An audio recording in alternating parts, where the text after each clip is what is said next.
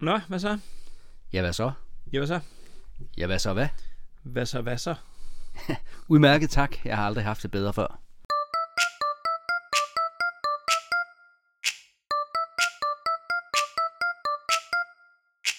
Vi taler kun om TV2 oh, oh. Babadabadabab. De er gode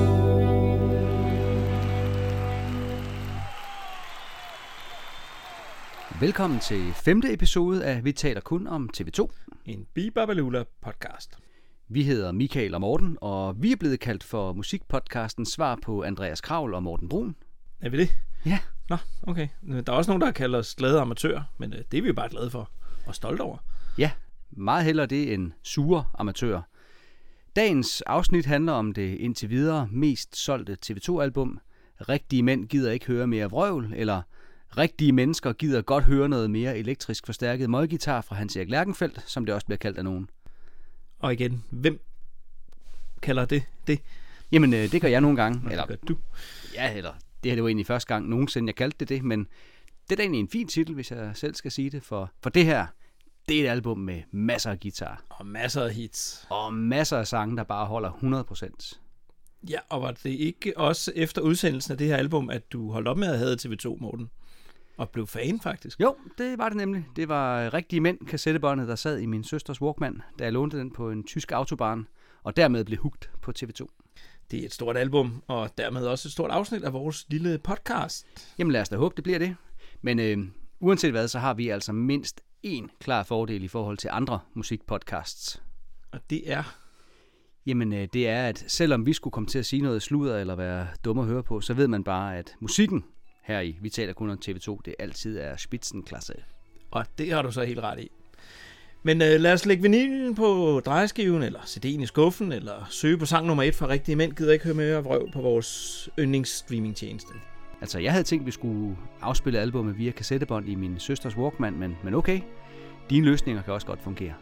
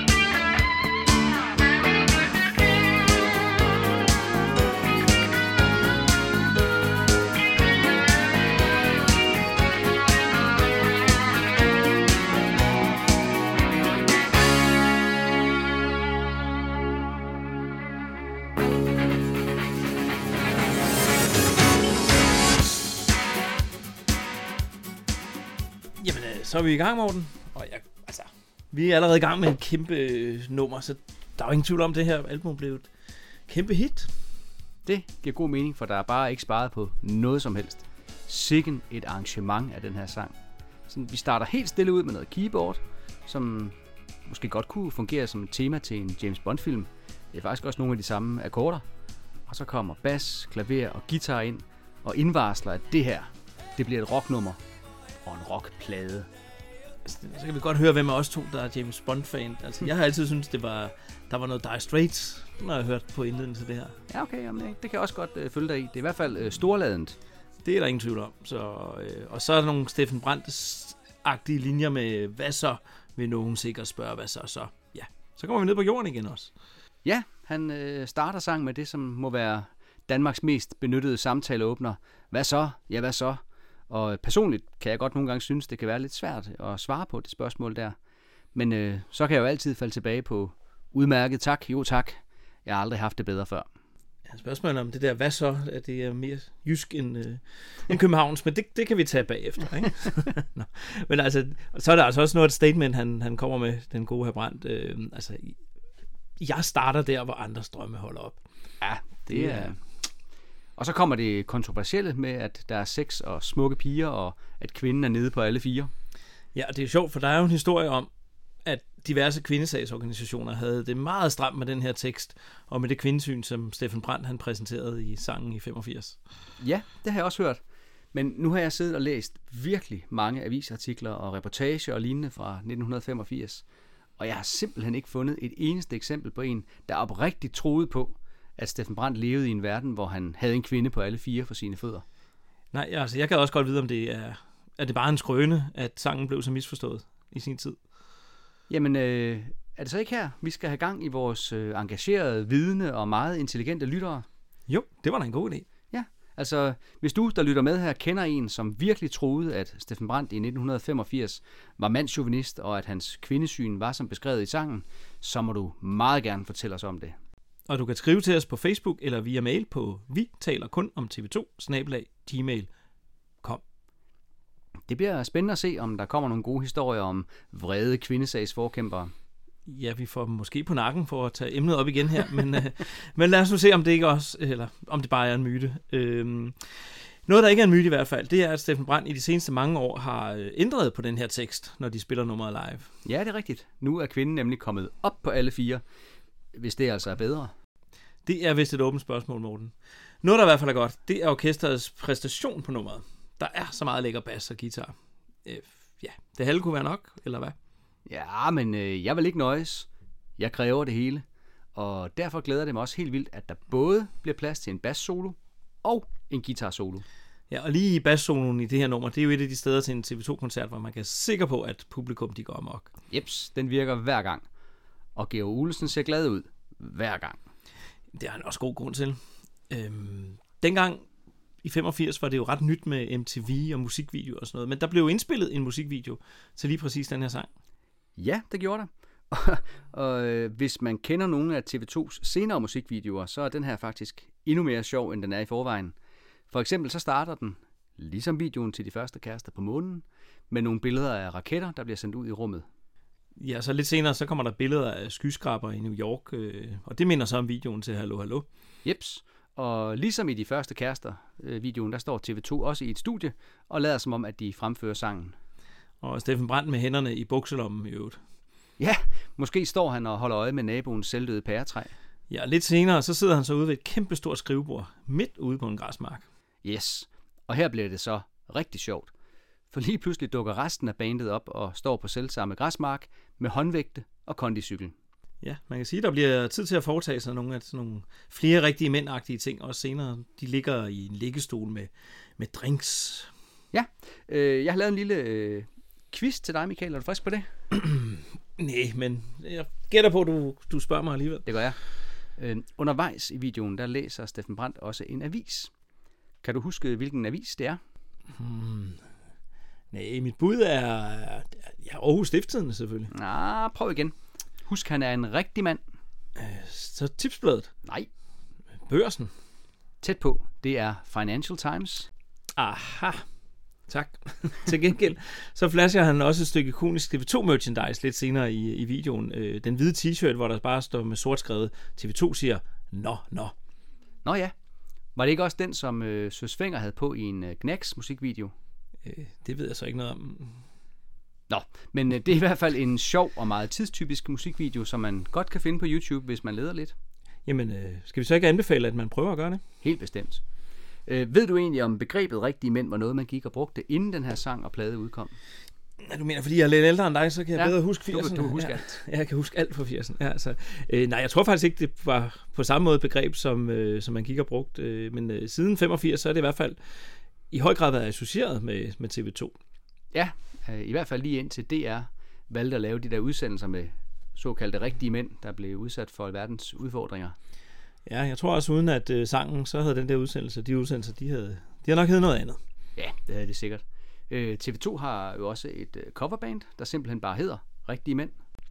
Ja, og der har også efterfølgende været lavet sådan utal af slogans, hvor gider ikke høre mere vrøvl, så bliver erstattet af ting som øh, rigtige mænd for tvillinger, Rigtige Mænd er landmænd, rigtige mænd slår ikke deres koner, og Rigtige Mænd har deres egen TV2-podcast. eller noget. Mhm. En god idé til en streamer. Ja, Nå, ja, men uh, Steffen Brandt, han har ikke selv her opfundet det her begreb. Uh, han påstod i hvert fald i sin tid, at uh, det stammede fra et modeblad, som hed Tik. Der så han en øh, annonce for en fransk herretøj, og der stod så teksten, livet er for kort til at klæde sig kedeligt. Og så de danske reklamefolk, de havde så efter sine været endnu smartere og skrev, rigtige mænd gider ikke høre mere vrøvl. Jeg kiggede længe på den annonce, sagde Steffen Brandt. Og så pludselig stod det helt klart. oh la la. Så var der endnu en fransk forbindelse, eller French Connection, om man vil, til TV2's musik. Vi har jo tidligere været omkring det faktum, at TV2 var tæt på at få et decideret hit i Frankrig med popmusikernes vise. Ja, så sang de jo også om uh, Gare du Nord i Paris. Øhm, og det der med at synge om togstationer, jamen det fortsætter jo i dag på rigtige mænd. Det gør det nemlig, for på næste nummer skal vi en tur til Skanderborg station. Altså med mindre nogle af vores lyttere hellere vil til for eksempel Singapore. Hmm. Skal vi prøve at spørge dem? Det er sådan, at øh, på den her tur, der er vi øh, alle de andre steder, hvorfor skulle vi så ikke også her i aften, der har vi tilbudt publikum, at de kan komme med ud på en rejse. Er det noget, I kan gå ind for? Vi har, øh, først og fremmest har vi muligheden for her på nuværende tidspunkt at vælge mellem to destinationer. Det drejer sig om på den ene side Singapore. Jeg sporer ikke den helt store interesse for Singapore. Så er der også muligheden for at komme tur til Skanderborg. Det er Skanderborg, mine damer og herrer. Det er Ansel Landfeldt på den stærke guitar på Skanderborg station. Jeg fornemmer klart, at TV2's og vores lyttere hellere vil til Skanderborg. Det vil jeg også.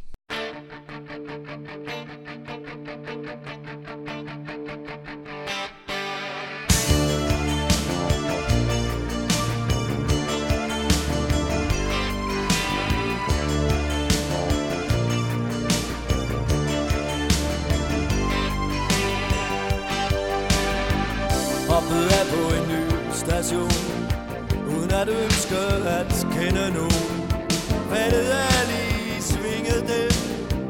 hvor historien slutter, slutter, slutter. Der hvor tippet til sidst går ned For den helt store kærlighed Og du ser de berømte ord Som jeg lover at glemme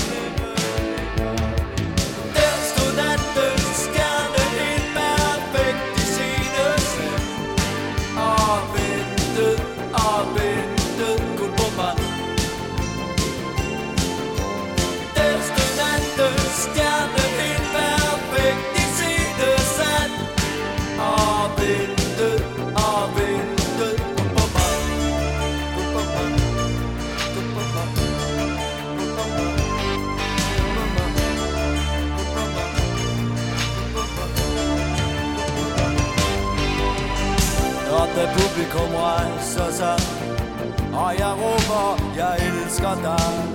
Tændes lyset, og du er ved. I de regnvåde gader. På en hvilken som helst station. Vil jeg stanse og møde nu. Stige på de svingede net Hvor historien begynder.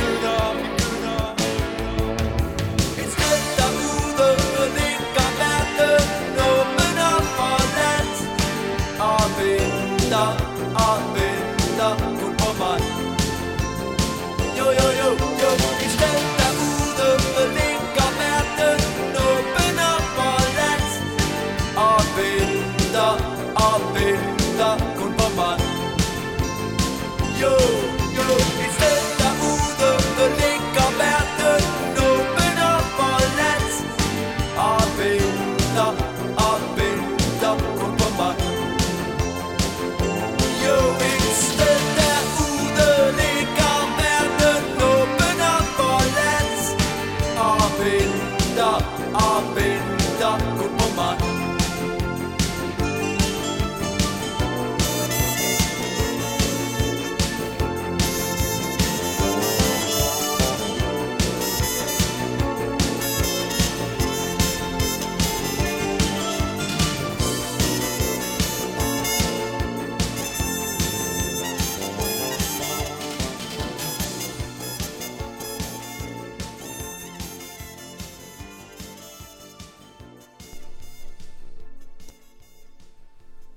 Så fik vi masser af guitar igen. Som er en stor ting på den her plade, og det kommer vi så til at snakke ja, meget mere om. Ja, men der er også noget sådan klassisk, må jeg sige, gammeldags TV2, eller de første plader, nemlig et øh, keyboard-tema.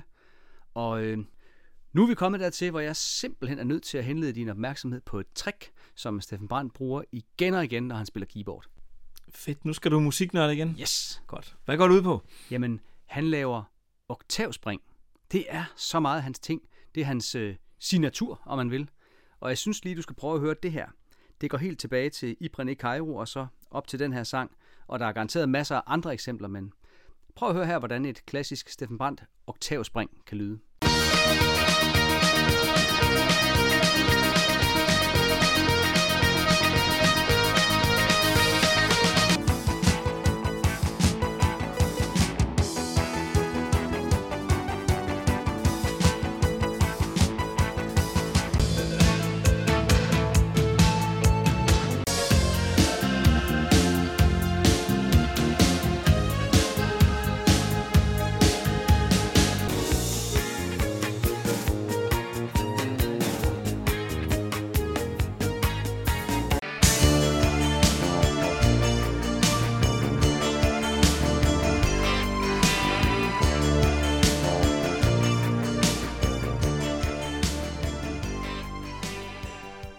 Interessant.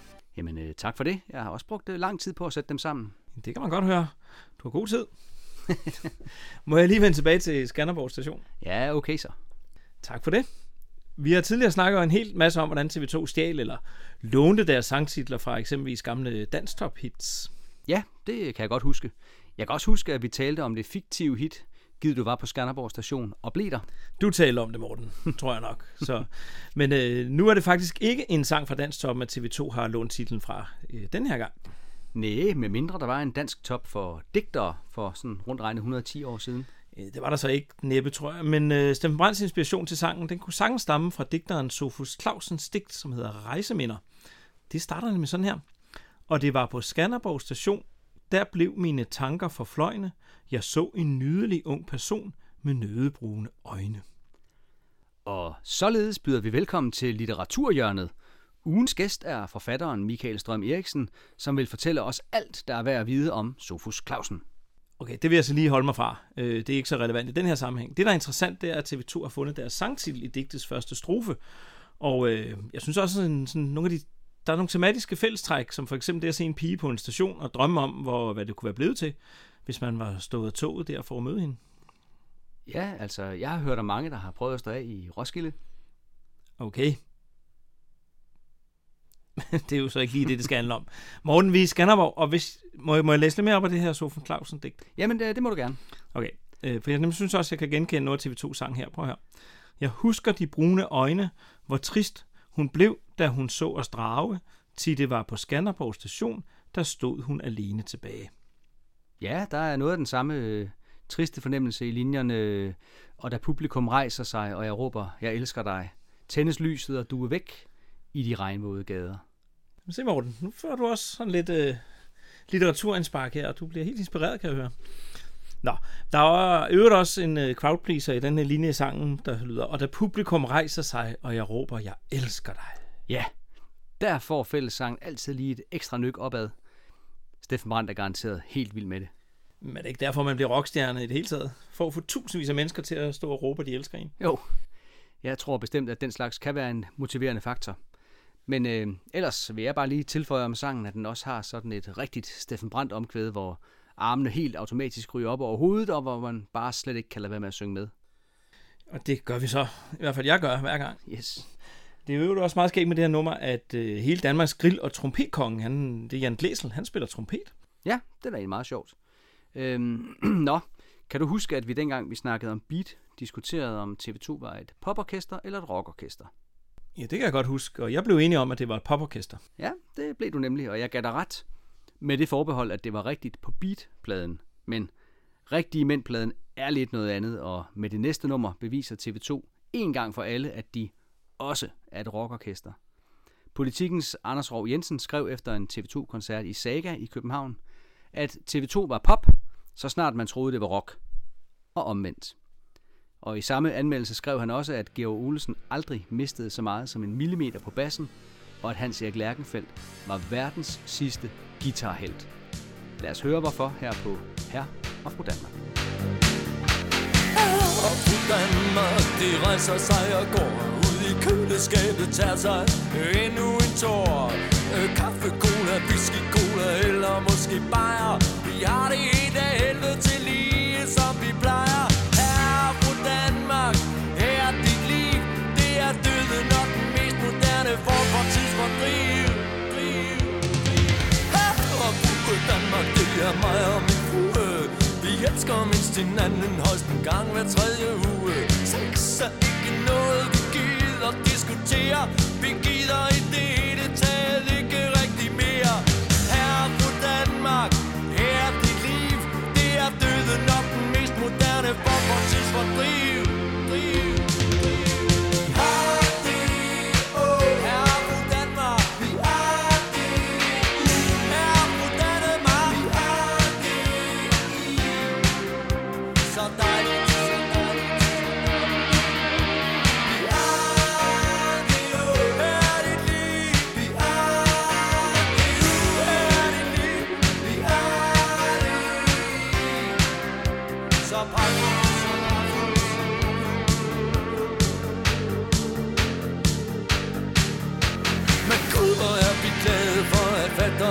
Job på erhvervslivet klarer sig forbavsende godt. Der er kun til optimisme, der er brug for fælles ånd. Lad os bytte i næven og give hinanden hånden Her på Danmark, her er dit liv. Det er døden og den mest moderne form for tidsfordriv.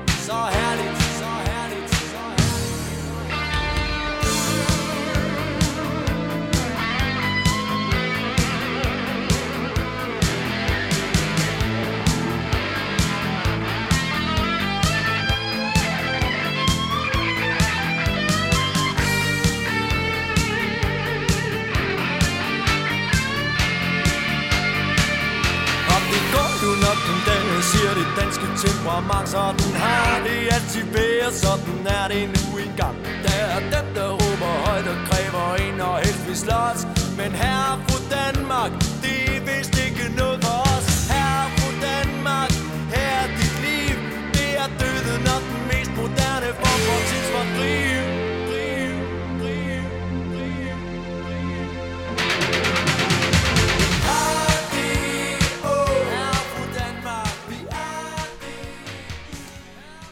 kommer ikke til at skændes som det her, Morten. Jeg er enig, det er et rockorkester.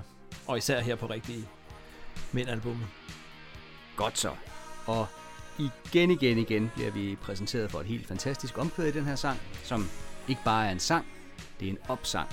En påmindelse om, at det ikke er det fedeste, hvis hele ens liv tilbringes henslæbt foran fjernsynet. Nej, det, det må jeg nok sige. Altså, jeg må indrømme, jeg har altid set den her sang, eller når jeg har hørt den, så altså, det, det, det, det, det var sådan, jeg så mine forældre tilbage i 80'erne, ikke? Øh, jeg har simpelthen kigget deres liv igennem den her sang. Øh, tænker, det kan være grunden til, at jeg ikke er endt som kernefamiliefar et sted ude i provinsen. Ja, det er jeg jo så. På trods af den her sang, men helt ærligt, så kan jeg da mere eller mindre bevidst høre den i baghovedet, hvis tingene bliver sådan lidt for malige, og så kigger jeg min fru Danmark dybt i øjnene og spørger, om vi ikke skal gøre et eller andet vildt for ikke at syne hen. Og så spytter vi i næverne og giver hinanden hånden. Det er altså et ret sjovt billede, det der med at spytte i nævene og give hinanden hånden. Men det er sådan noget jysk krammer-mentalitet, kunne jeg forestille mig. Så. Nå, jeg spørger meget ind til Jylland. Du må, Ja, det du øh, du nok. må udrede det senere. Københavnersnude. så, altså, jeg synes, at det er sådan lidt ulækkert. Men øh, ja. Til gengæld så har jeg så ofte brugt den her linje med kaffe, cola, whisky, cola eller måske bajer, når jeg skulle byde folk på noget. Jamen, øh, det lyder også lækkert, synes jeg. Øh, skal vi ikke lige nappe en anmeldelse fra den gang, hvor anmelderen også har opdaget, at TV2 pludselig spiller rock? Er den god? Ja, så lad os høre. Det er fra Dagbladet Holstebro Herning Struer. De skrev under overskriften Når rigtige mænd tør, hvor andre tiger. Da LP'en Nutidens Unge udkom i 1984, troede man ikke, at det kunne gøres bedre. Den var spækket med oplagte hits, god dansemusik og tekster med vid og bid. Men alligevel vil undertegnet påstå, at TV2 med rigtige mænd har overgået sig selv. Teksterne er, om muligt, blevet bedre. Der er mere underfundig humor, mere kras realisme og mere intense beskrivelser af kærligheden. Musikken er så i ørefaldende dansevenlig, at man sidder og hopper i stolen. Den er også blevet mere vedkommende, der er mere power på, der er mere ægte engagement og spilleglæde. Der er mere råstyrke bag og knap så meget af den elektronlyd, som gruppen tidligere har dyrket. Alle taler om gitarristen Hans Erik Lærkenfelds inciterende guitar-soloer, og det er heller ikke ufortjent. Sammen med Steffen Brands åndeløse og besynderlige staccato-stemme hæver Lærkenfelds soloer pladen langt over gennemsnittet af dansk rock, og så er lyden bare så flot. Lang anmeldelse, men, Yes. men god. Ja. Apropos flot lyd, Morten, så synes jeg lige, at vi skal høre en af musikhistoriens flotteste sange. Og jeg glæder mig som altid til et genhør med eventyr for begyndere. Og det var søndag, det var Og du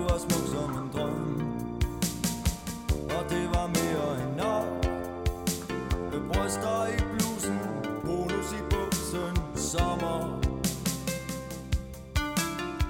Ikke fordi at det var vildt. Jeg sagde jeg troede måske At jeg elskede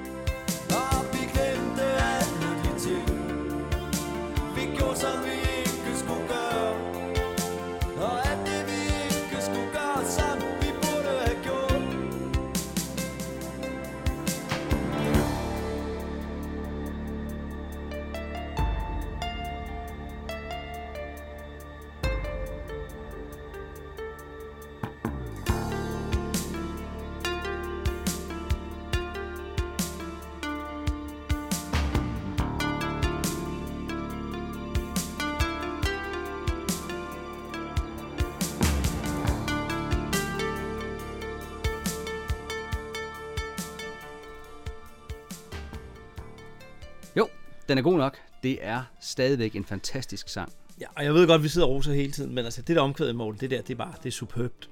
Intet mindre. Det er en øh, sang, der skriver sig ind i en lang TV2-tradition om sange om sommerforelskelser. Altså, jeg tror, jeg vil gå så vidt som til at kalde det en uovertruffen forelskelsessang. Øhm, og så skaber Steffen Brandt med ganske få ord et perfekt billede af at være sammen med den eneste ene på det perfekte sted og det perfekte tidspunkt. Men altså, det er meget få ord, han bruger. Bryster i blusen, bonus i buksen, sommer. Jeps. Og så Piers vores nysgerrighed også. Hvad var det lige præcis, de glemte at gøre, og hvad var det, de gjorde i stedet for? Og fordi det er et eventyr, så bliver vi efterladt, øh, altså hvis ikke med en decideret lykkelig slutning, så er i hvert fald håbet om, at vi kan få en lykkelig slutning en gang. Fordi han synger sådan her. Hvis du engang går forbi, der hvor vi elskede højt, der hvor vi glemte os selv, så hils fra mig og sig, vi ses igen. Ja, hils fra mig og sig, at vi ses igen. Lad os uh, satse på det. Jeg kan godt lide ved det her nummer, at det tager sig tid til at få plads til et langt mellemspil. Det, det er meget smukt. Altså, I Jyllandsposten øh, i 85, så beskyldte TV2 for at lyde næsten som Shubidua i den her sang. What? Mm. Ah, det kan jeg godt nok bare slet ikke høre. og Shubidua lavede der næsten ikke nogen kærlighedssang. Nej, men øh, anmelderen Torben Bille, han var i politikken inde på lidt af det samme. Han mente faktisk, at øh, Hans Erik Lertenfeldt enhændigt, han reddede TV2 fra at ende som 80'ernes digitaliserede udgave af Shubidua. Hmm, Der er også noget med, at Torben Bille var heller ikke så vild med Shubidua, var nej, det var han vist ikke. Men, Nej, det tager vi en anden gang. Jeg har nogle gange tænkt på, om det er de kommende her fra Danmark, der møder hinanden i den her sang, vi lige har hørt. Altså, du mm. ved, det starter så smuk, og drømmene de er søde, og så en dag, så bliver det alligevel til en kedelig historie. Ej, det må du ikke sige, Michael. Jeg vil så gerne have, at den her sang får en lykkelig slutning. Også selvom det måske først bliver mange år. Og så, øh, jeg synes, det er vildt stærkt skrevet der, hvor han siger, jeg sagde, jeg troede måske, at jeg elskede dig. Du vendte dig om og sagde uden at blinke, så gør det. Og så er den her sang faktisk en øh, blandt meget, meget få i virkeligheden, som TV2 er vendt tilbage til og har indspillet i en studieversion i en senere, på et senere tidspunkt i karrieren. Det er nemlig rigtigt. I 2012 udgav Magtens Korridor opsamlingsalbummet Spil noget vi kender, hvor der ud over Magtens Korridors største hits, også var blevet plads til en duet med Sys Bjerre og et samarbejde med TV2. Ja, det forlyder i hvert fald, at Magtens Korridor og TV2, de har tit mødt hinanden på diverse festivaler, og jamen, så tænker jeg bare, at de har opbygget et eller andet slags øh, musik, musikervenskab. Ja, og det fejrede de så ved at indspille sangen Eventyr for Drømmere, som er en blanding eller et mashup af Magtens Korridor-sangen Drømmer fra det krøllede håb, den er fra 2007, og så netop Eventyr for Begyndere. Lad os høre, hvordan det lød.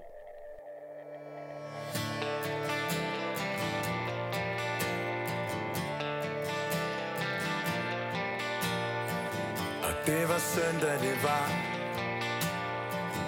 Du var smuk som en drøm Og det var mere end nok. Bryster i blusen Bonus i buksen Sommer. Ikke fordi det var vildt. Jeg sagde, jeg troede måske At jeg elskede dig du vendte dig om og sagde uden at blinke, så gør det. Og vi glemte alle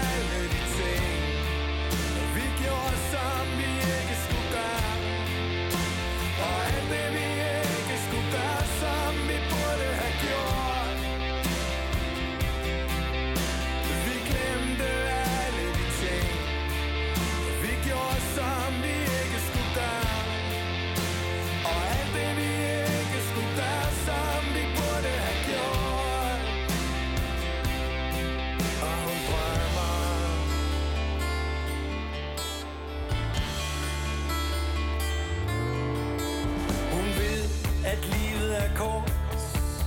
Hun ved, det suser forbi. Hun ved godt, det er hårdt. Men hun har masser at sige. Og hun drømmer.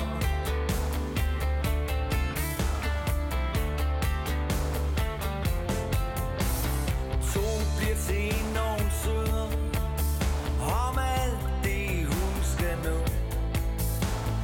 Skraldet ligger i dynger. Hun kan knap nok gå.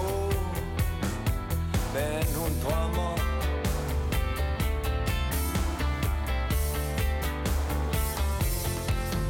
At hun lidt op forsvinder. Hun kigger ned og finder Sin karma, sin kærlighed og håbet igen.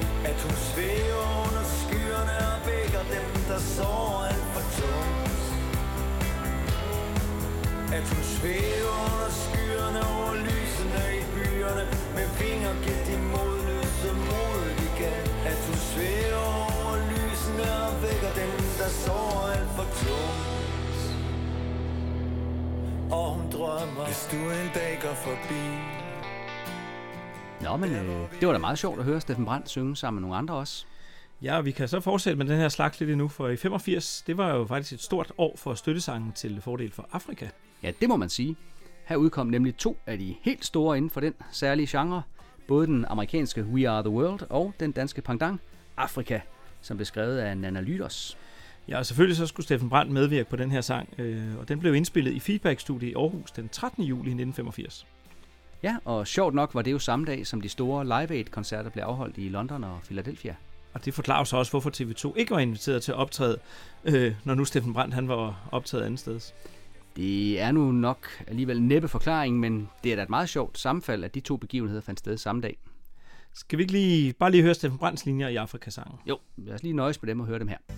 Gennem tusind år Igennem tusind kampe Støttesangen fra Afrika, øh, den slog alle rekorder hjemme, og øh, den der succes med den sang, det medførte så, at man fik stablet en øh, dansk støttekoncert ala Live Aid på benene.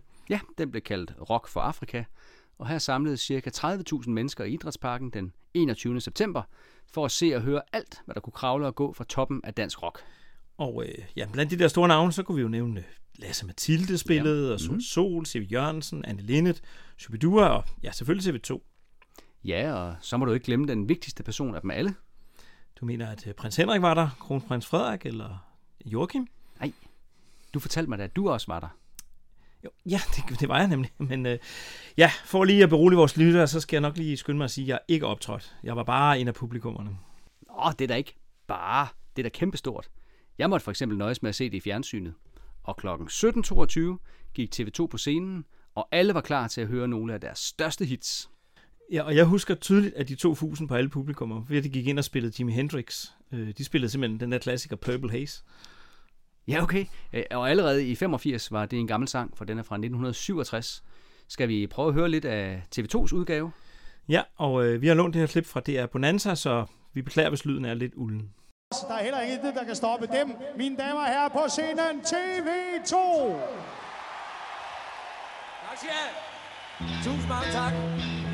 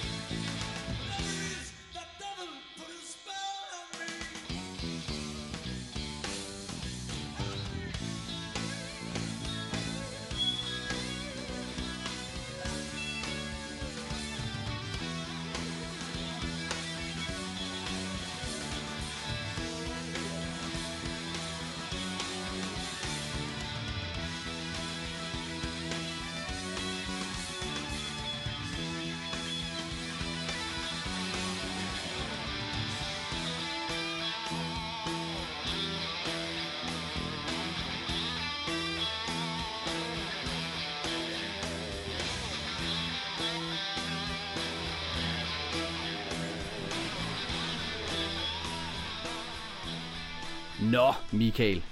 Jeg har valgt ikke at researche mere på Rock for Afrika. Jeg tænkte ikke, det var nødvendigt, når vi nu ligefrem har et øh, førstehåndsvidne til stede her i studiet. Så derfor vil jeg simpelthen bare spørge dig direkte. Hvad spillede TV2 ud over Purple Haze den dag? Og jeg kontrollerer det ikke efterfølgende, så nu hviler ansvaret på dig, øh, hvis vi skal være sådan en bare nogenlunde troværdig podcast.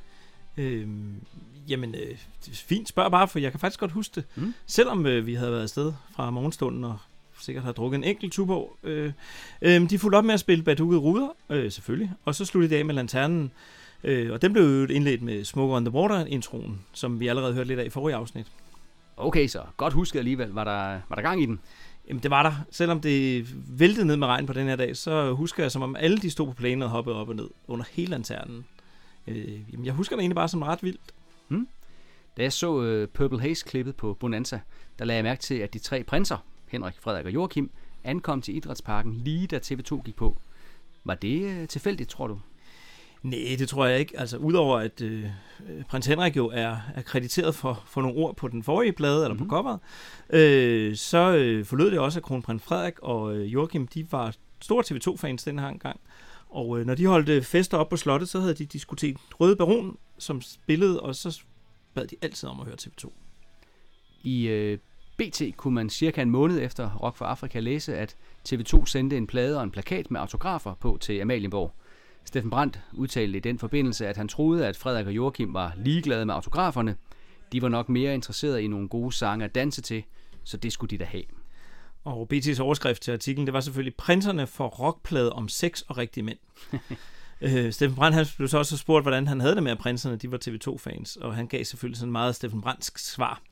Øh, han sagde, det er vi selvfølgelig meget beæret over. Når vi holder op med at spille rock, så kunne der måske blive et job til os som slotsgardnere.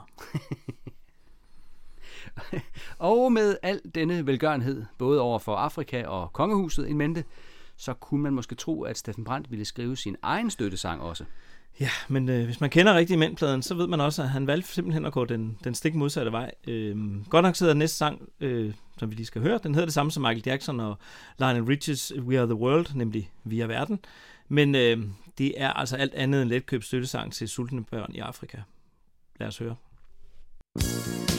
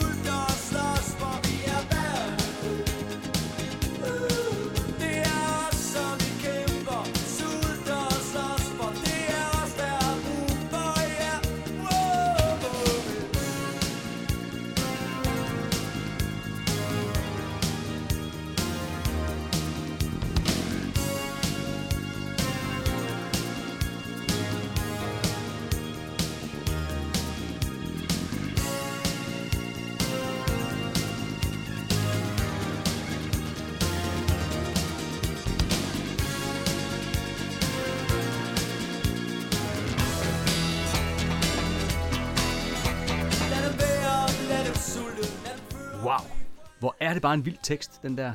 Den gør nærmest ondt. Øh, altså på den gode måde. Fordi hvem er det lige, der bliver hjulpet mest, når de spiller en køn popsang som We Are The World eller Afrika i radioen? Er det dem, der reelt har mest brug for hjælpen, eller er det os selv, som både får noget rart at lytte til, samtidig med at vi kan minde os selv og hinanden om, hvor god vores samvittighed er nu, hvor vi har givet penge, samle ind og synge sange, plante træer af og til. Det er vores hjælp til selvhjælp, brød og skuespil. Så synes jeg bare, det bliver ekstra interessant, fordi det kommer så fra Steffen Brandt, som lige har sunget med på Afrikasangen, og optrådt i rock for Afrika. Øhm, jeg har altid fået det sådan lidt dårligt over de der linjer med, at vi får det lige i synet, børn, der sulter halv ihjel. I farver er det næsten værre, end at være der selv. Ja, og så en meget klassisk Steffen Brandt dobbelttydighed i linjen. Vi har alt for meget af alting. Ikke noget at have det i. Ja, altså, der skulle ikke ventes mange komme af den her sang, før den, ja, den kunne faktisk også udstille noget af det der hyggeleri, jeg synes, der er i forhold til klimakrisen i, i vores dag. Ja, præcis. Vi er stadig i verden, og det er vel stadig også os selv, vi synger allermest om. Nå, øh, bortset fra det, så blev jeg faktisk også mindet om, hvor fedt det her nummer egentlig er. Da jeg, altså, jeg sad og genhørte hele pladen, inden vi skulle i gang i dag. Ja, der er godt nok gang i den med Aarhus og Jan Glæsel på flylhorn og hele pivetøjet. Men lad os komme videre i teksten. Nu går vi fra den nok allermest alvorlige sang på pladen til den, som jeg anser for at være den sjoveste. Især hvis man forstår ironi og allerhelst selvironi. Men, men det kan vi snakke om, når vi har hørt Det er mig, du drømmer om.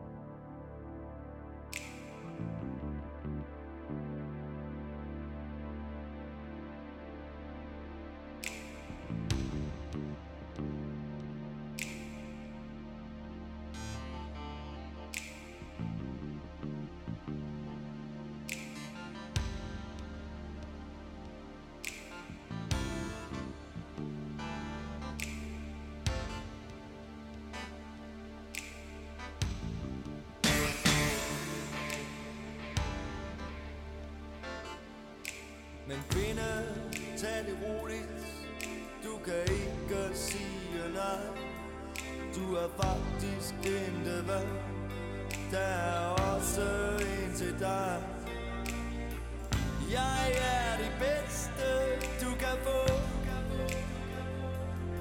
Jeg er alt det alle piger inderst inde Går og venter, drømmer, snakker, sammen Jo, jo, jo, jo, jo, jo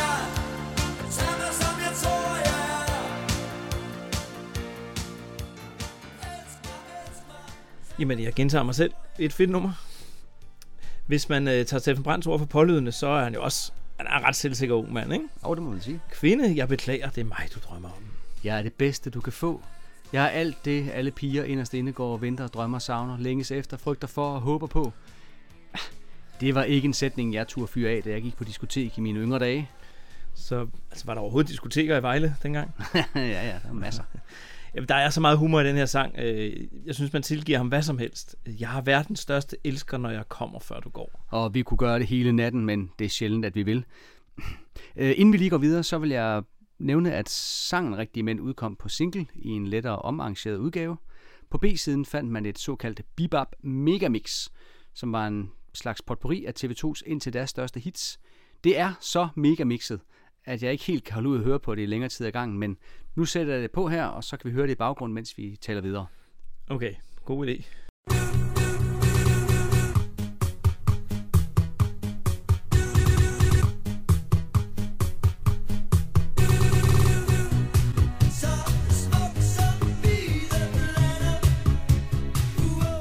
Yes. Godt. Øhm, Dagbladet Holstebro, Struer og Herning skrev i deres anmeldelse af albumet følgende om Det er mig, du drømmer om. Det er at ture. Med få linjer at pille facaden af og skrælle helt ind til knoglerne. Det gør næsten ondt. Man skal have en hel del distance og et skarpt overblik for at kunne skrive sådan om sit eget køn, uden at virke enten idiotisk eller frelst ærlig. Man skal sandelig også have humor for at slippe godt fra det.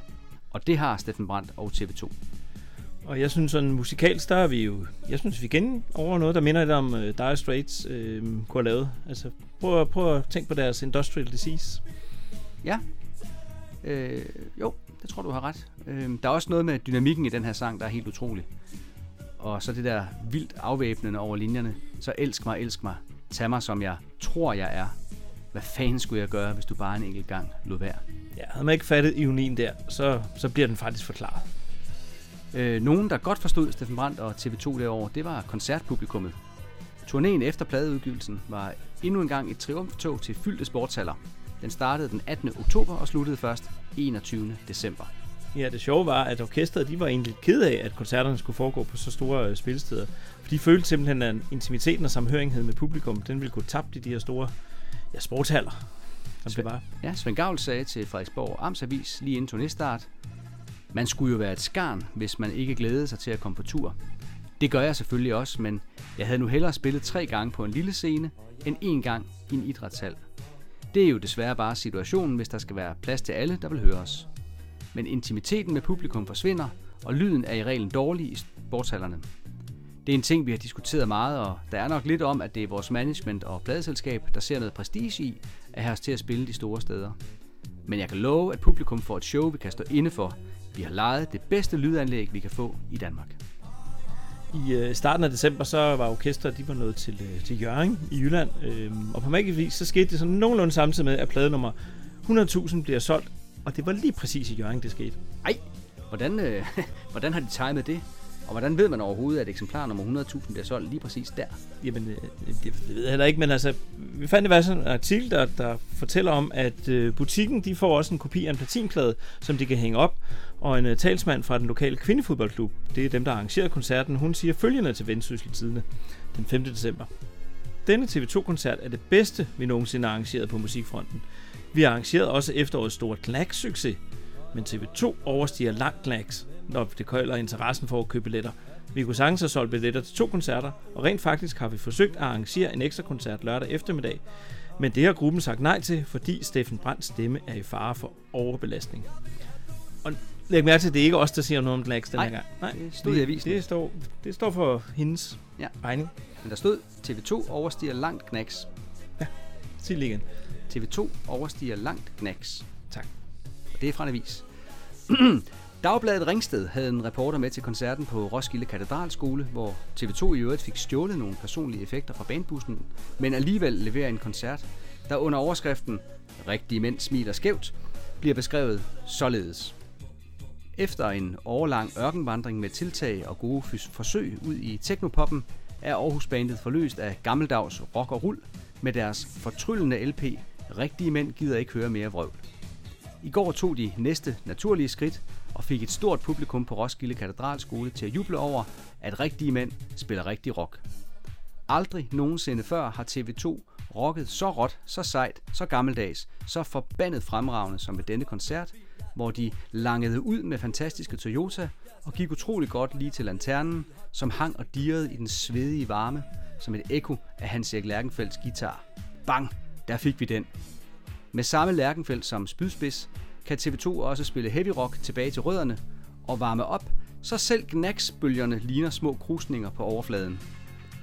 Belært af sine triste erfaringer fra Roskilde Festivalen, hvor rytmeboksen pludselig sagde fra, holdt Svend Gavl sig stort set bag sine trommer og lagde sammen med bassist Geo Olesen rammen stødt og solidt som gode holdspillere med et elastisk sving. Elastisk sving.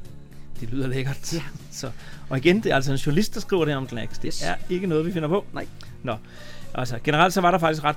Ja, alle steder de kom, så var der høje forventninger til koncerterne. Fordi i 84 så var TV2 blevet kåret som årets koncertnavn. Og Steffen Brandt, han øh, skyndte sig så at sige, at det skyldes, at de havde årets koncertpublikum. Øh, til Jyllandsposten, så siger han følgende. Målet er bare rockmusik og gang i den, og en gensidig kommunikation. Det er mere en form for samvær, hvor vi yder noget for scenen, men publikum skal også give igen. Så er det selvfølgelig også interessant, at øh, det er på den her turné, at de elektriske trommer, de bliver skrottet for en gang for alle, og rytmeboksen, den beholder de så. Ja, det er meget sjældent, at vi her i podcasten kan videreformidle noget, som Hans Erik Lærkenfeldt har sagt, men øh, han kom med en nærmest profetisk kommentar til Fyns Stifttidene, da han blev bedt om at forholde sig til den idoldyrkelse, som bandet blev mødt med overalt. Han sagde, Idoldyrkelsen, den tager vi som et hyggeligt islet. Men i øvrigt er det ikke længere kun det helt unge publikum, som kommer til koncerterne. Jeg tror, vi har vundet indpas i bredere kredse med rigtige mænd, og det er vi sgu da glade for. Den dag bedstemor på 75 år kommer, vil vi da også skrige af glæde. Jeg tænker, at der er allerede i vores dage nu her, så er der nok nogle af de der bedstemøder på 75 med til nogle af TV2's koncerter. Tror du ikke? Det er jeg helt sikker på, at der er. Og så ved vi da i hvert fald i det mindste, at H.E. han skriger af glæde. Og hurra for det. Lad os komme videre til den næste sang. Apropos koncerter, så er den næste sang en af de mest ønskede blandt en stor gruppe af orkesterets hardcore-fans. Jeps, når der bliver lavet ønske-sætlister på diverse fanfora, så kan du være stensikker på, at Evelyn næsten altid er med. Men øh, her får vi den i studieversionen.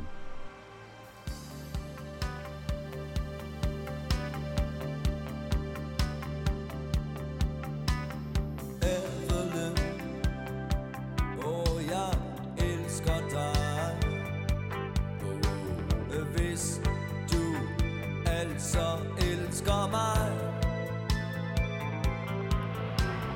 Her og nu For evigt og altid Men, men, men Evelyn Jeg tror du ved besked wow, wow. om det, de kalder kærlighed. Evelyn, for hvad, hvad, hvad, hvad skal jeg gøre? Og jeg kan smile sødt og bukke bedt og viske ord,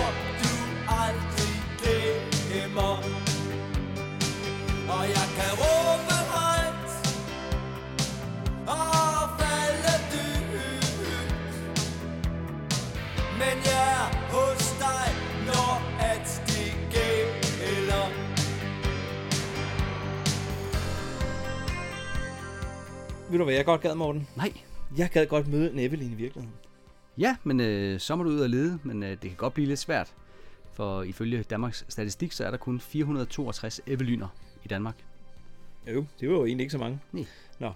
Men øh, det var nok også lige meget, fordi det er min yndlings Evelyn, det er jo, det vil altid være hende fra den her sang. ja. Vi har sådan et par hængepartier eller callbacks med den her sang, som vi lige er nødt til at få styr på. Sig frem. Altså allerførst, så er linjen, og jeg kan smile sødt og bukke pænt, jo i den grad en hilsen helt tilbage til, at det her er vores dans. Ja, det har du da ret i. Øhm, det er bare uden at ikke have en stråleglans den her gang. Ja, heldigvis. Øhm, og hvis du så kan huske, at vi i afsnittet om beat præsenterede et øh, ekstra nummer. Åh, oh, ja, hvordan var lige? Det var noget med mellem lyset og mørket fra Greenpeace-pladen, ikke? Yes, yes. Mm. Øh, jamen, der var jo noget med et omkvæd, som du lovede, vi ville vende tilbage til. Lige præcis. Og det er det blevet tid til nu, fordi øh, omkvædet i mellem lyset og mørket lyder, og jeg kunne råbe så højt og falde så dybt igen. Og her i Evelyn synger han, og jeg kan råbe højt og falde dybt. Ja, det er meget tæt på hinanden, det kan jeg godt høre. Mm-hmm. Øhm, og når, normalt så vil jeg nok også begynde at tale som en vis form for tyveri, men ja, det er vel okay, hvis man stjæler fra sig selv, er det ikke? Jo, det kan du måske have ret i. Vi, vi lader noget gå for ret, men vi råber højt, hvis Steffen Brandt igen begynder at synge om at falde dybt. Det gør vi. Så. Men prøv nu vi har lige hørt den der sang, hvor han med jaret bare er så glad for sig selv, ja. og så er der bare en stor forskel til, øh, til Evelyn og øh, jaret, der er den person. Ja, det, den er, sang. ja, det er næsten sådan helt skizofrent. Så med hensyn til det der med at få sangen spillet øh, live, så spiller TV2 øh, den som regel også, når de spiller i Grønland. Øhm, så den er også med på det livealbum, som hedder Greatest Greenland, som kom i 2014. Jeps. Lad os øh, vende tilbage til noget af det, som vi talte om tidligere, nemlig at pladen her lyder ret anderledes i forhold til de tidligere TV2-albums. Ja, men, men øh, man kan allerede fra de første toner på Rigtige Mænd-sangen høre, at det er noget helt andet. Og det, det helt andet er nok blandt andet, at man til den her plade hentede en udenlandsk producer ind. Ja, fordi at øh, TV2 de lyttede selvfølgelig også til andet musik øh, rundt omkring i verden, og et af de bands, som øh, de flere gange nævner som inspirationskilde, det er, øh, i hvert fald på det tidspunkt, det er engelske Heaven 17. Og en af Heaven 17's producer var en vis Greg Walsh. Skulle vi ikke lige prøve at høre lidt af Heaven 17's, øh, så kan vi få en fornemmelse af, hvad det var, TV2 faldt for. Jo, det er en meget god idé.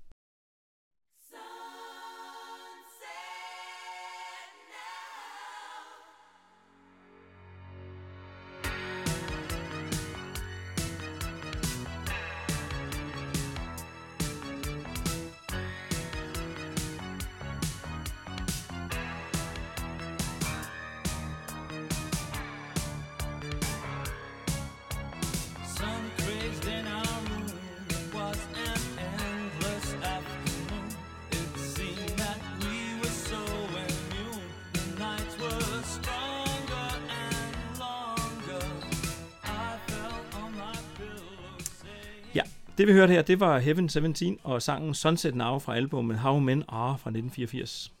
How Men Are. Hmm. Kan vide om selve albumtitlen også var en uh, inspirationskilde for TV2. Ja, det, det er måske meget godt set, Morten. så, men altså, hvorom alting er, så var TV2 i hvert fald ikke, øh, eller de var vilde med dem, så de ville rigtig gerne prøve at arbejde sammen med deres producer, øh, den her Greg Walsh. Øhm, han havde forresten også haft øh, fingrene nede i, øh, i mixerpulten, da Tina Turner indspillede Private Dancer. Okay.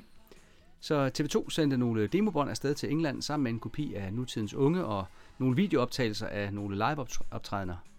De regnede egentlig ikke med, at det ville lykkes, for som Steffen Brandt sagde, så var det vist mere en drøm end et seriøst forslag. Men så alligevel, efter at have hørt noget, de havde ikke hørt noget i lang tid, så pludselig så kom der sådan et positivt svar fra Greg Walls og hans to assistenter, Brian Evans og Sven Tate. Efter sine var han primært faldet for deres liveoptrædener, for som han sagde, så var det på daværende tidspunkt sjældent at møde musikere, der rent faktisk kunne spille. Herudover synes han også, at melodimaterialet var fremragende, og at TV2 som gruppe fungerede langt bedre end en lang række mere berømte engelske bands. Men øh, det var ikke helt gratis at få den her stjerneproducer til at lægge vejen forbi Danmark. Øh, Sten Sorgenfri, der var direktør for CBS Danmark, han ville, han ville ikke fortælle, hvor meget Greg Walls fik for anstrengelserne. Men han indrømmede, at pladen den, øh, kom til at koste mere end en halv million kroner. Øh, hvilket han ikke mente var dyrt i forhold til TV2 salgstal i øvrigt forresten. Hmm. Da Greg Walsh ankom til PUK-studierne, blev han først vist ind i de gamle lokaler, som ganske vist også var et studie, men som slet ikke var så topmoderne, som det han var blevet lovet, at han skulle over til. Ja, så var han faktisk lige ved at vende om for stedet og sige nej tak, de må finde anden til det her job. Men da han så lidt senere blev vist over til det nye studie, blev han nærmest blown away. Han var så chokeret over, at der i Danmark fandtes et så moderne studie, der faktisk overgik noget af det, som han var vant til fra England. Ja, hvis man dykker lidt ned i YouTube, så kan man øh, finde en udsendelse, som er rent, oprindeligt besendt på DR øh, i forbindelse med udsendelsen af pladen. Øh, der følger man lidt af arbejdet med at indspille den her plade i øh, PUK-studiet, øh, og så synes jeg, man fornemmer noget af den her humor, der er i orkestret. Øh, på et tidspunkt så finder Steffen Brandt en øh, violin frem og filer lidt på den, da han skal beskrive, hvordan det lød, dengang de spillede i Taurus. Og med al respekt for Steffen Brandt, så lyder det faktisk ikke ret godt. Hvad siger du, øh, Michael? Skal vi prøve at spille det her lydklip for vores lyttere? Ja, så nu kan vi ikke vise klippet, hvor han ryger majspibe, så øh, lad os høre det med violinen, hvis vi kan være det bekendt. Ja, vi, vi tager chancen. Okay. at der ikke var øh, det store publikums øh, underlag for netop den øh, avancerede musik, vi spillede på det tidspunkt. Nu har jeg taget her min øh, bedstefars gamle violin med. Jeg kan måske få lov til at give en lille prøve på et af de numre, vi spillede med stor succes rundt omkring på spillestederne. Jeg ved ikke, er I klar? Det gik sådan her. Det var, det var meget af den her stil, vi, vi gjorde i.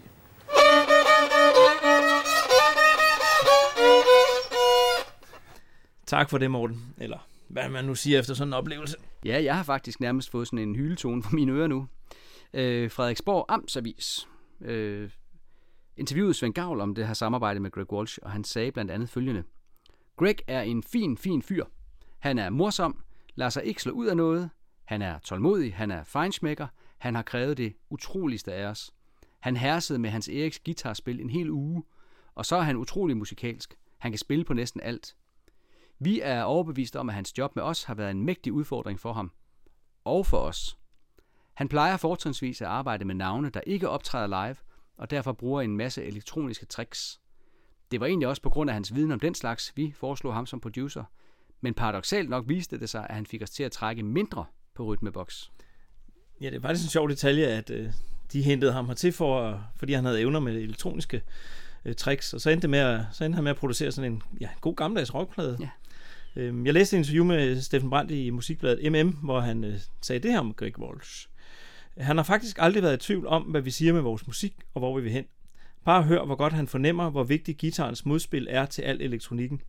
Greg er producer i ordets bedste forstand. For os er det uhyre vigtigt at kunne vende sig til en, der med garanti hele tiden har det sikre og altafgørende overblik. En, der hele tiden kan stå til ansvar. En, der har styr på de praktiske problemer. Det kan lyde banalt, men han ved, at hvis det ikke er sådan, vil vi aldrig yde det optimale. Efter sine oversatte orkestret aldrig teksterne til engelsk, så Greg Walsh kunne forstå dem 100%. It's like flying blind not to know the lyrics, sagde han. Jeg husker et eller andet klip, hvor han skulle prøve at sige øjne, øh, Greg Ja, ø- øjne. Øjne, ja. så. Nå, øh, men selvom han ikke forstod sangteksterne, så, øh, så tror jeg, han øh, lynhurtigt lærte at forstå noget af, det andet danske kultur. Øh, han var i hvert fald meget begejstret over forklejningen, som vi har været inde på tidligere. Mhm.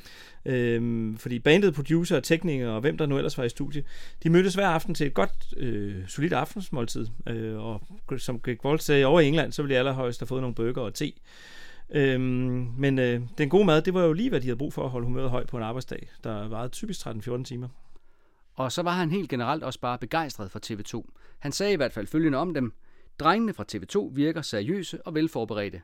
Faktisk vil jeg påstå, at de er de mest kompetente musikere, jeg har arbejdet sammen med i år. Og så skal vi jo heller ikke glemme, at han, øh, han vender jo tilbage og arbejder sammen med TV2 senere. Øh, han har også været inde over Tæt Trafik i Herning-albummet. Ja, sammenlagt har han faktisk produceret mere end 40 TV2-sange, så han er medansvarlig for en stor del af deres samlede værker. Skal jeg kalde på hunden? Men øh, TV2 havde også gang i et andet større projekt med Greg Walsh. Yes, de ville øh, forsøge at få det helt store gennembrud i udlandet, ligesom så mange andre danske kunstnere før dem. Mund, der var nogen, der havde mindet op, hvordan det gik med gasolin og Shubidua. Sikkert ikke, for de gik i gang med krumhals og oversatte nogle af sangene til engelsk, og fik dem faktisk også indspillet. Og en af sangene, det var naturligvis Badukkede Ruder, som kom til at hedde Misty Windows, og jeg synes da lige, vi skal høre lidt af den.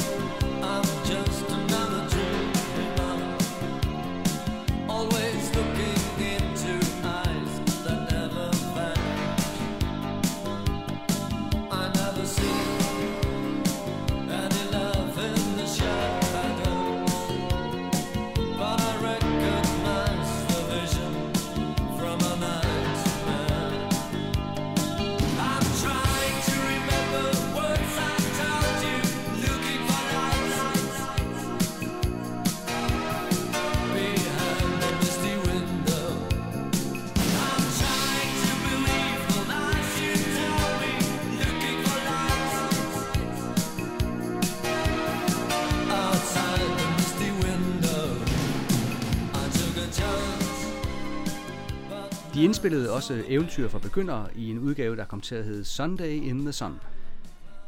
Så når vi nu er i gang, skal vi så ikke lige høre lidt af den også? Okay så, men jeg vil gerne have ført til protokols, at det var dig, der bad om den. Den kommer nemlig her.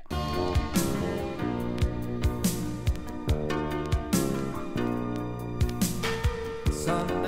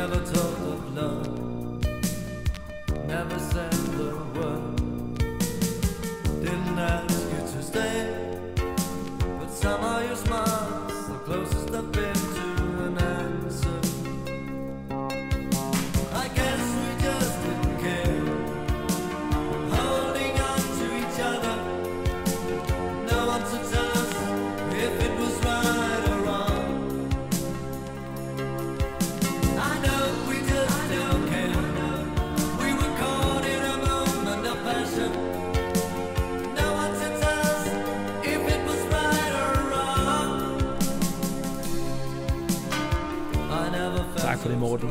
Men øh, ja, skal vi ikke bare nøjes med at konstatere, at det aldrig rigtig blev til noget med det der gennembrud i udlandet? Jo, lad os det. Men, som en klog mand engang sagde, så er det aldrig for sent.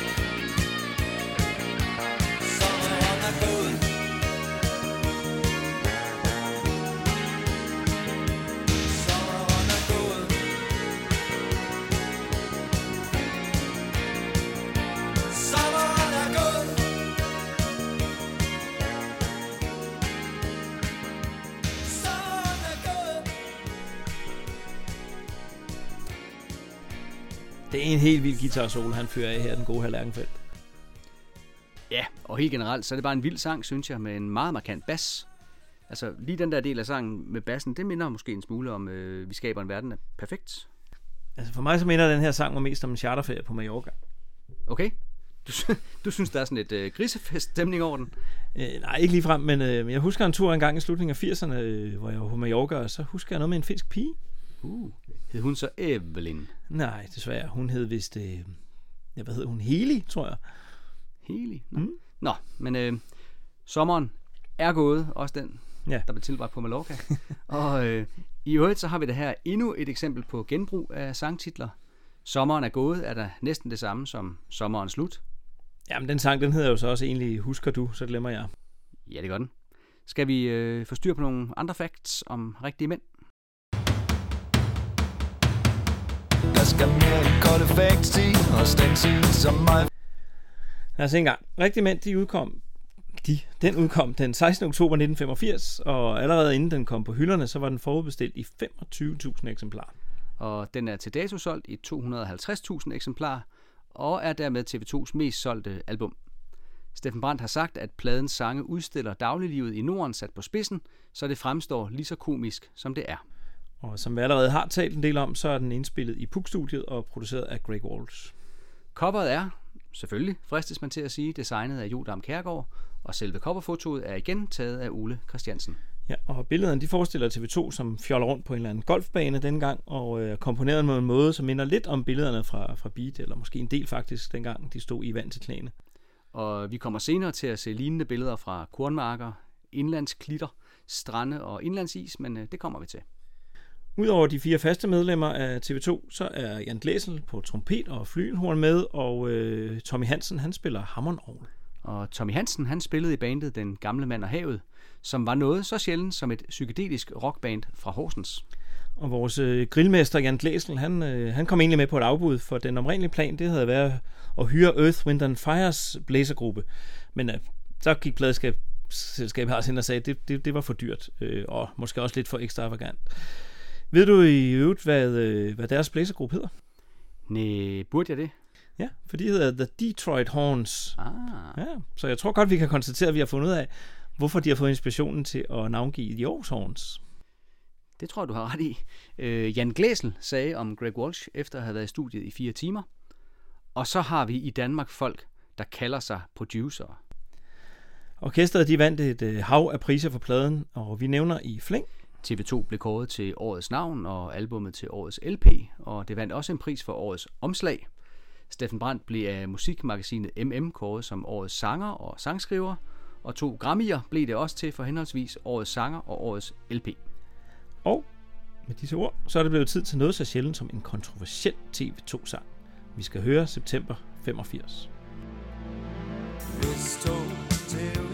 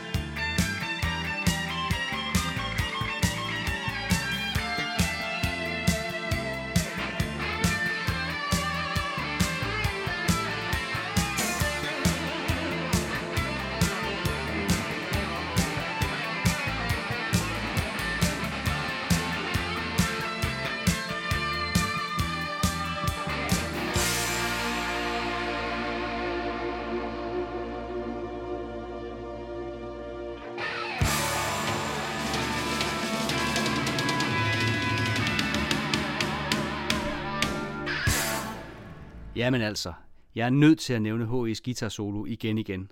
Den river og flænser og flår og understreger på en eller anden måde den vrede, der ligger gemt i den her sang. Ja, han er jo bare fantastisk. Nu er det ikke for at name droppe alt for meget, men øh, jeg mødte engang Greg Walsh.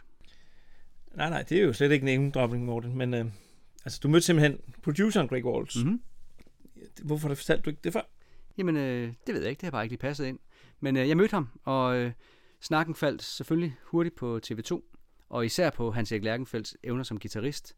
Og jeg mener lige om, at Greg Walsh har arbejdet sammen med nogle af de allerstørste, altså for eksempel David Gilmour fra Pink Floyd, og alligevel så tøvede han slet ikke med at kalde Hans Erik Lærkenfeldt for den måske bedste guitarist, han nogensinde havde arbejdet sammen med. Altså, respekt. Manden kan jo spille alt, sagde han, og jeg sagde bare, at jeg var helt enig. Hvor gammel var du var der i september 85, Morten? Øh, jeg fyldte øh, 10 år den måned. Okay, så er det ikke sikkert, at du lige så tydeligt husker, øh, som jeg, det, den der periode midt i 80'erne, det var, der var en masse uro omkring øh, ja, racister i Danmark, som lavede en masse ballade med nogle steder, hvor der boede mange flygtninge og indvandrere. Nej, jeg fulgte nok ikke så meget med, tror jeg. Altså det, jeg husker mest, det var en episode i Kalundborg, hvor der var ja, 300 unge danskere, som angreb et hotel, øh, hvor der var nogle iranske flygtninge øh, ind, indkvarteret. Altså det fyldte enormt meget i medierne øh, og i, ja, i debatten i det hele taget. Øh, jeg tror, medierne kaldte det, døbte det for racismens sommer, så øh, det var altså i den der stemning, at Steffen Brandt de satte, satte sig ned for at skrive den her sang. Ja, bare for at sætte ord på problematikken, tænker jeg. Hmm. Så, så holdningen tilbage med dem, smid dem ud, var med andre ord noget, man kunne støde på rundt omkring. Og jamen, netop derfor kunne sangen vel også misforstås. Ja, jamen i høj grad. Altså, det blev den så også af dem, som... Dem, jeg tror, dem, der ville misforstå den. Øh, et af de mere kendte eksempler med, den blev misforstået, det var, at den, øh, i 1994, så var den med i eksamensmateriale til skriftlig dansk i gymnasiet. Og der var indtil flere elever, som ja, de vidste nok mente, at Steffen Brandt var racist. Okay, jamen øh, så må de da også have troet, at han ikke kunne lide jyder, for de skal jo også sendes hjem i sangen.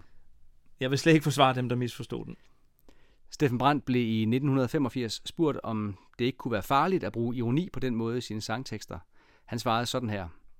Jeg mener nok, at de fleste kan se den klare, ironiske distance. Det fremgår i hvert fald af de mange breve, vi får hver dag. Når jeg bruger ironien, er det fordi, den lægger op til, at man siger sin mening. Måske forstår en mine tekster på en måde, og en anden helt anderledes. Og så kan der komme gang i en diskussion om emnet. Det finder jeg meget mere interessant, end at lave sange om, hvor godt det hele er, som en masse andre gør. Øhm, I øvrigt så påstår Steffen Brandt ja, stadigvæk den dag i dag, at hele den her sang, jo, som foregår i et S-tog, at det er 100% sandt og selvoplevet. Ja, det kunne egentlig være fedt at opspore pigen fra sangen og, og høre, hvordan hun oplevede situationen. Så hvis du hører den her podcast, pige, så skriv lige til os. Vi vil gerne høre din version. Øh, Du behøver ikke skrive en sang om det. For at, øh, ja, ikke for ret mange år siden, så øh, sagde Steffen Brandt om den her sang, at han, ikke, øh, han vidste ikke, hvilken arbejde den havde gjort øh, siden 85. Og så tilføjede han, jeg kan ikke forestille mig, at man med alene med sådan en sang kan vende en form for udvikling, men man kan være med til at sætte ord på den frustration, der er forbundet med ikke at kunne løse en opgave ordentligt. Og den der store uafsluttede frustration over ikke at kunne løse til sydenladende rimelig enkelt indvandringsproblem ligger stadig som en form for grundstemning, der nærmest er ved at blive en del af vores nationale DNA. Steffen Brandt er en klog mand. Øhm, ja, lad, skal vi ikke lige nappe på anmeldelser mere for den gang? Mm. Øhm, jeg starter med Jyllandsposten. Der var Jakob Lambertsen, øh, som skrev under overskriften Frække mænd i TV2. Skriver, TV2 er navnet på blandt andet Danmarks frækkeste rockband og frækkeste poporkester. Muligvis det bedste orkester i det hele taget. For TV2 lykkes med at fortælle om god gammeldags maskulin chauvinisme, ja selv være mandschauvinister på en romantisk, sympatisk, vindende, forståelig måde. De virker oprigtigt og ægte. Musikalsk overskår TV2 sig selv med fantastisk fængende melodier, og vigtigere, Hans Erik Lærkenfeldt får endelig lov til at spille et par vildt rivende, mandige guitarsoloer, som man ellers kun gør det på scenen. Georg Olsens bas er mere levende og fri end nogen anden dansk rockbas i mange år, og Steffen Brandt giver endelig los for sin stemme og råber og skriger igennem. Helsingør Dagblad skrev under overskriften Årets danske LP. Der har altid været smæld i TV2's musik, men ikke tidligere har deres musik været strammet op og rammet ind så kompakt som på denne plade. Produceret af Greg Walsh, englænder, der ved, hvad lyd er. TV2 sange er helheder. Ikke musik for sig og tekst for sig, selvom teksterne i høj grad kan klare sig på egen hånd. Men helheder er det, hvor musikken og ordene kompletterer hinanden. TV2 er i perfekt balance, musikalsk som verbalt. Skåret skarpere ud end nogensinde tidligere. Det er ren nydelse. Du må gøre vrøvl, hvis den plade ikke, længe, ikke inden længe ligger på din gramofon. Køber du kun én dansk plade om året, så er det denne. Og TV2, de var også selv forståeligt nok øh, glade for albummet. Øhm, ja, der gik helt beatles i det, ved jeg. Øhm, men ja, Morten Beatles, det er din afdeling. Yes, det er mig. Øh, Svend Gavl sagde til øh, Frederiksborg Amtsavis, at rigtige mænd i sin form og stil var så forskellige fra de forrige LP'er, at de ikke tøvede med at kalde pladen for deres Sgt. Pepper. Vi spiller mere guitar, vi bruger flere gammeldags instrumenter, for eksempel flyl og akustisk guitar og horn. Vi har også arbejdet med mere med stille melodier, sjælere. I det hele taget fremstår vi nu øh, mere som fire forskellige musikere. Før kunne man opfatte os som et backing band med en sanger. Jamen, øh, så lad os da høre det tidligere backing band med sangers sidste nummer fra pladen, nemlig det stinkende møghit Hele verden fra forstanden. Ja tak, lad os det. Og denne himmel, disse øjne, denne svimlende længsel efter noget. Dette glimt af gensynsglæde, med det øjeblik, som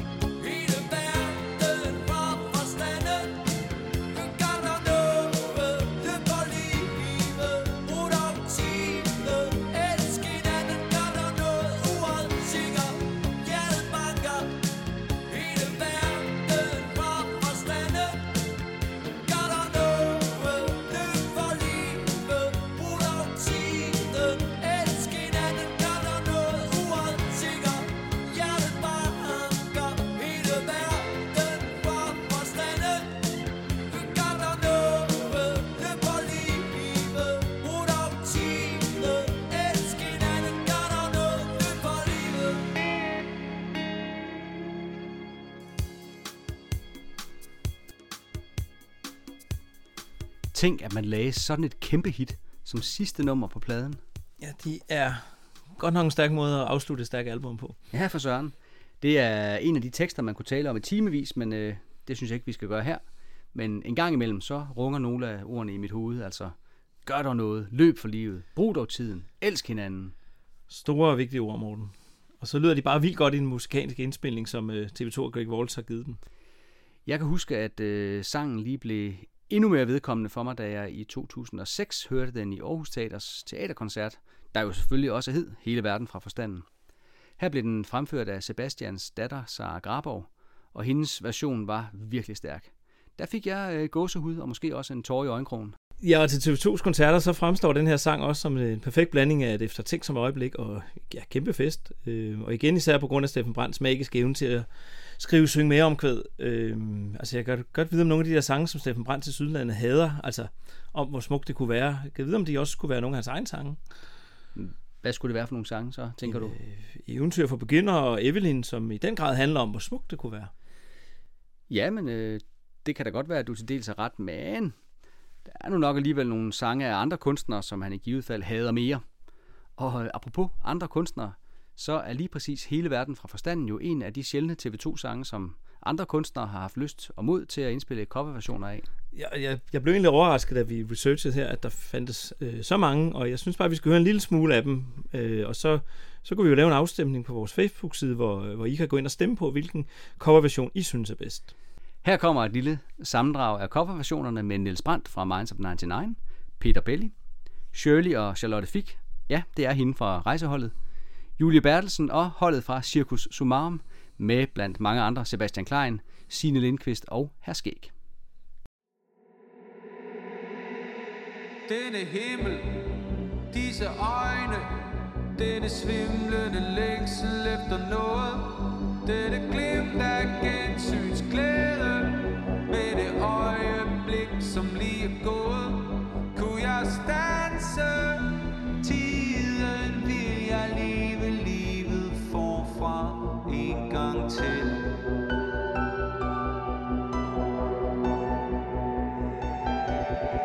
Jeg ville starte med at elske hvert sekund og være en kvinde og måske hænge lidt omkring og se, hvad livet ville bringe. Uden at mærke tiden vi at lige at leve lige nu og her.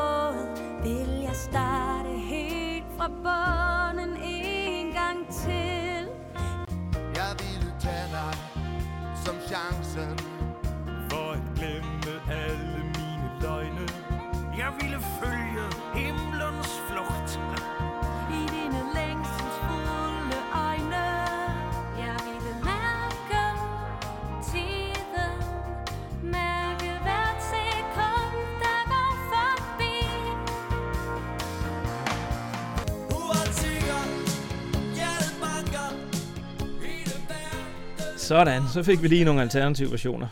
Jeg tror altså, til enhver tid, jeg foretrækker TV2's udgave. Øhm, og jeg ved, hvad jeg taler om, fordi øh, jeg var faktisk i Circus Somarum og se deres version. Ja, det er også den, jeg foretrækker. Circus Men- Somarum? ja, nej. TV2's. Men øh, jeg er spændt på at se, øh, hvad for en af de her alternative versioner, som vores lyttere bedst kan lide. Skynd jer ind og stemme. Øh, vidste du forresten godt, at 1985 var det europæiske musikår? Nej, det vidste jeg så ikke. Øh, så blev det udnævnt til det på grund af TV2's fantastiske plade. Ja, det skulle man tro, men nej, det var vist nok besluttet i forvejen. Men øh, Statens Musikråd skulle i den anledning udvælge tre danske plader, der skulle deltage i et Grand Prix i Paris, der markerede afslutningen på dette særlige musikår. Og selvfølgelig var en af disse tre plader, Rigtige Mænd gider ikke høre mere vrøvl. Selvfølgelig var det det. Hvad var de andre to plader? Øh, det var en eller anden klassisk plade og en jazzplade. Vandt TV2 det der Grand Prix, eller hvad du kaldte det? Nej, øh, desværre. Eller måske heldigvis. Ja, jeg tror ikke, det betyder så meget, øh, men flot og fortjent, at de blev udvalgt til at repræsentere Danmark. Ja, og vi kan også lige nå at få med, at Steffen Brandt i 1985 modtog en helt særlig musikpris, nemlig Danske Jazz, Beat og Folkemusiks Autorers årlige pris. Ja, og den pris den blev givet for særligt bemærkelsesværdige indsatser i den rytmiske musik. Meget velfortjent, hvis du spørger mig. Øh, vi er vist nået til den del af vores podcast, hvor vi skal til at anmelde albummet på vores helt egen TV2-skala fra 1 til 6 stjerner. 6 stjerner er det ultimative TV2-mesterværk, mens en stjerne stadigvæk er meget bedre end noget, som så mange andre kunne have lavet. Jamen altså, herover fra min side af bordet, så er den gal igen. Øhm, ligesom sidste gang med Nutids Unge, så jeg rammer seks stjerner, Morten. Nå, men det er da ikke noget problem. Det skal du da ikke undskylde overhovedet. Det, øh, det gør jeg så heller ikke. Øh, Jeg synes bare, at jeg, jeg, altså for at forklare det, teksterne, de er helt fantastiske. Øh, og nogle gange så synes jeg, at de, er fantast- de er så fantastiske, at man helt glemmer, hvor velspillet og vellydende den her plade er, og velproduceret, og alt det, vi også har været inde på. Alt er godt. Altså, der er kun seks stjerner til den her. Øhm, og så kan jeg så komme med den lille indrømmelse. Dengang jeg sad og lyttede den igennem for at anmelde den til, til programmet her, så, så fik jeg mig en, øh, en gin og tonic, øh, da jeg tog noter. Men, øh, så det kan godt være, at jeg kun har landet på 5 plus, hvis jeg, hvis jeg ikke har drukket den. ja, okay. Jeg kan godt se, at det kan gå galt så. Jeg er så kedelig, at jeg kun lander på 5 stjerner. Jeg synes også, at teksterne er i verdensklasse, og så er jeg helt vild med H.E.'s guitarspil. Men der er også enkelte steder på pladen, hvor den lyder så meget af 80'erne, at man næsten kan trække det på smilebåndet af det i dag. Og det gør, at jeg lander på 5 stjerner. Også selvom det var den her plade, der gjorde mig til TV2-fan. Men der kommer et par plader eller tre senere, som jeg holder endnu mere af, så ja, jeg føler næsten, at jeg er nødt til at gemme mine 6 stjerner, til de kommer. Okay, fair nok, Morten. Så. Øhm, jamen, øh, vi nærmer os afslutningen, mm. men øh, jeg tænkte på i starten der, så snakkede vi lidt om, at der var nogen, der øh, kaldte os glade amatører. Ja. Vi har også glade fans. Ved du, hvad jeg har fået? Nej. Så må du se. Ja. Nu kan lytteren så ikke se med. Nu har jeg lige vist dig noget her. Tænk, hvad jeg har fået tilsendt. Hjemmestrikket TV2-sokker. Hjemmestrikket TV2-sokker. Det er simpelthen en, der hedder Lone, der har sendt mig et par hjemmestrikkede sokker med TV2's logo på. Hvad siger du så? Er du misundelig? Ja, meget. Ja, jamen, øh, jeg siger tak til Lone, og øh, det gør Morten ikke. Er der andet, Endnu, glemt? endnu. Det kan være, jeg kan komme til det. Ja, det er rigtigt. Så. Er der altså noget, vi har glemt? Øh, det er der sikkert. Men øh, så ved jeg jo til gengæld, at vores lyttere er så flinke, at de godt vil skrive det til os. Øh, og så kan det være, at vi laver et opsamlingsheat på et tidspunkt med ting, vi ikke fik med i første omgang. Det lyder som en god plan. Og husk så, at I kan følge os både på Facebook og Instagram. Øh, vi hedder, hvis I skulle have glemt det, vi taler kun om TV2. Skal vi lige se, om vi kan få noget at slutte ordentligt af i dag? Ja, lad os prøve det igen. Uk. Uret tigger, hjertet banker. Skal jeg ikke synge mere? Nå.